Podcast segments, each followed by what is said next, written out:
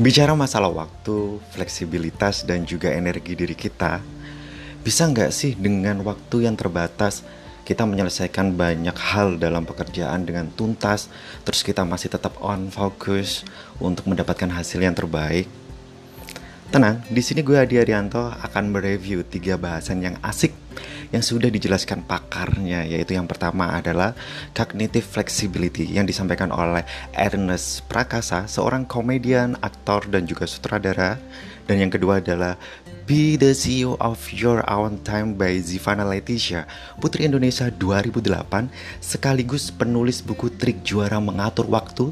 Dan yang ketiga ini yang paling asik, yaitu Energy Management oleh Ricky Setiawan, selaku CEO Impact Factory. And check this out.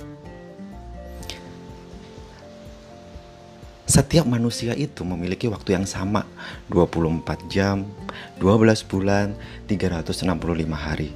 Lalu, apa yang membedakan seseorang itu bisa memiliki kualitas dalam karir, pekerjaan, dan juga personal?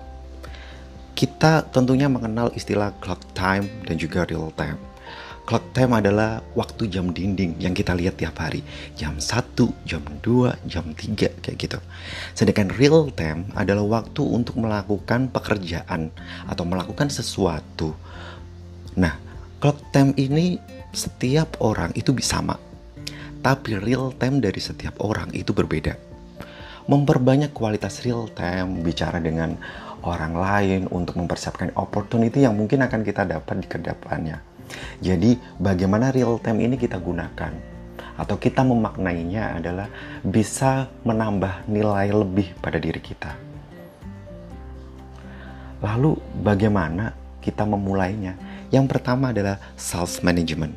Jadi karena waktu tadi yang kita bahas itu sama, maka yang harus kita manage adalah diri kita. Bagaimana kita bisa mengatur waktu, uh, energi kita untuk menyelesaikan pekerjaan atau suatu hal yang menjadi prioritas dengan kemampuan cognitive flexibility. Timbul lagi pertanyaan, apa sih cognitive flexibility itu? Itu adalah kemampuan menyelesaikan banyak hal dengan fokus dan hasil yang maksimal. Kemampuan yang gak bisa dimiliki robot ataupun artificial intelligence yang ada di tahun ini. Ini lebih kepada switching tasking, jadi bukan multitasking.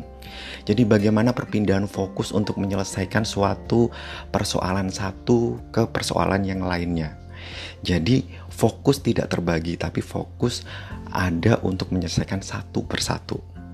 Dan yang kedua adalah disiplin create sistem secara individual.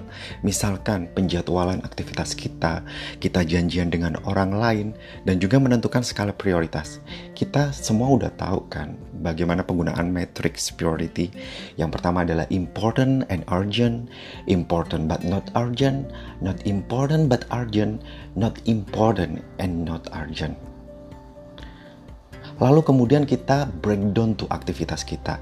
Kita lihat mana yang menjadi hal untuk segera dilakukan dan penting dan mana yang nggak usah dilakukan untuk saat ini.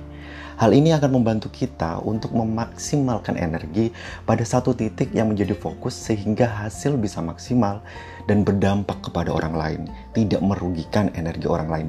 Semisal kita tidak telat, kita tepat waktu, janjian ketemu dengan orang lain. Nah, itu akan menyimpan energi orang lain. Kita nggak merasa merugikan orang lain, kita nggak merasa bersalah akan hal itu. If everything is important, nothing is important. Jadi selalu ada hal yang terpenting, nggak semua hal itu penting. Terus, segala sesuatu itu harus direncanakan. The power of planning perencanaan yang baik akan menghasilkan hasil yang baik juga karena sudah ada preparing dari diri kita. This is about our life. Kenapa kita nggak mempersiapkan hal-hal baik untuk diri kita sendiri, untuk hasil-hasil maksimal yang nantinya juga kita yang ngerasakan gitu. I have to do my best. This is my time and I must get the best result and give impact to others. Make sure apa pun yang kita lakukan itu berimpact kepada orang lain itu baik gitu. Hal-hal baik. Best energy itu akan mempengaruhi hasil yang berdampak pada orang lain.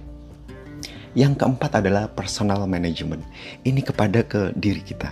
Kita harus memperhatikan kemampuan kita dalam bertindak semisal mengelola ekspektasi mengelola energi introspeksi kepada diri kita tentang pekerjaan, bikin seolah-olah ada personal discussion gitu, ngobrol pada diri sendiri, mungkin malam hari ketika kita selesai melakukan aktivitas kayak gitu.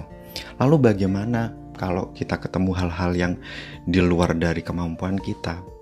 Semisal kalau kita bosan, sudah di titik yang kita tidak bisa ngapa-ngapain, habis juga energi kita.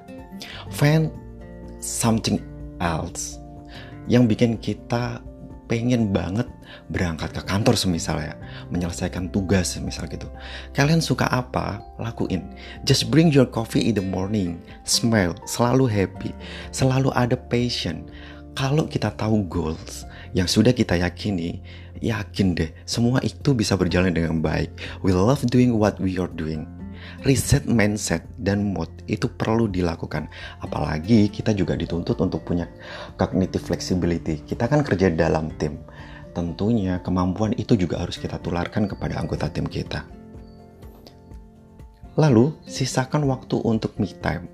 Road trip, solo trip maybe kalau kalian berani untuk pergi sendiri wisata, bener-bener quality time, kemudian jalani hobi bahkan ada yang kerja sampingan menjalani hobi semisal gue weekend ngemsi semisal kayak gitu tapi gue happy mendapatkan uh, nilai tambah pada diri saya kemudian update diri bergaul ketemu dengan teman itu yang akan menimbulkan energi kita gitu membangun energi Terus kita juga harus jaga kesehatan.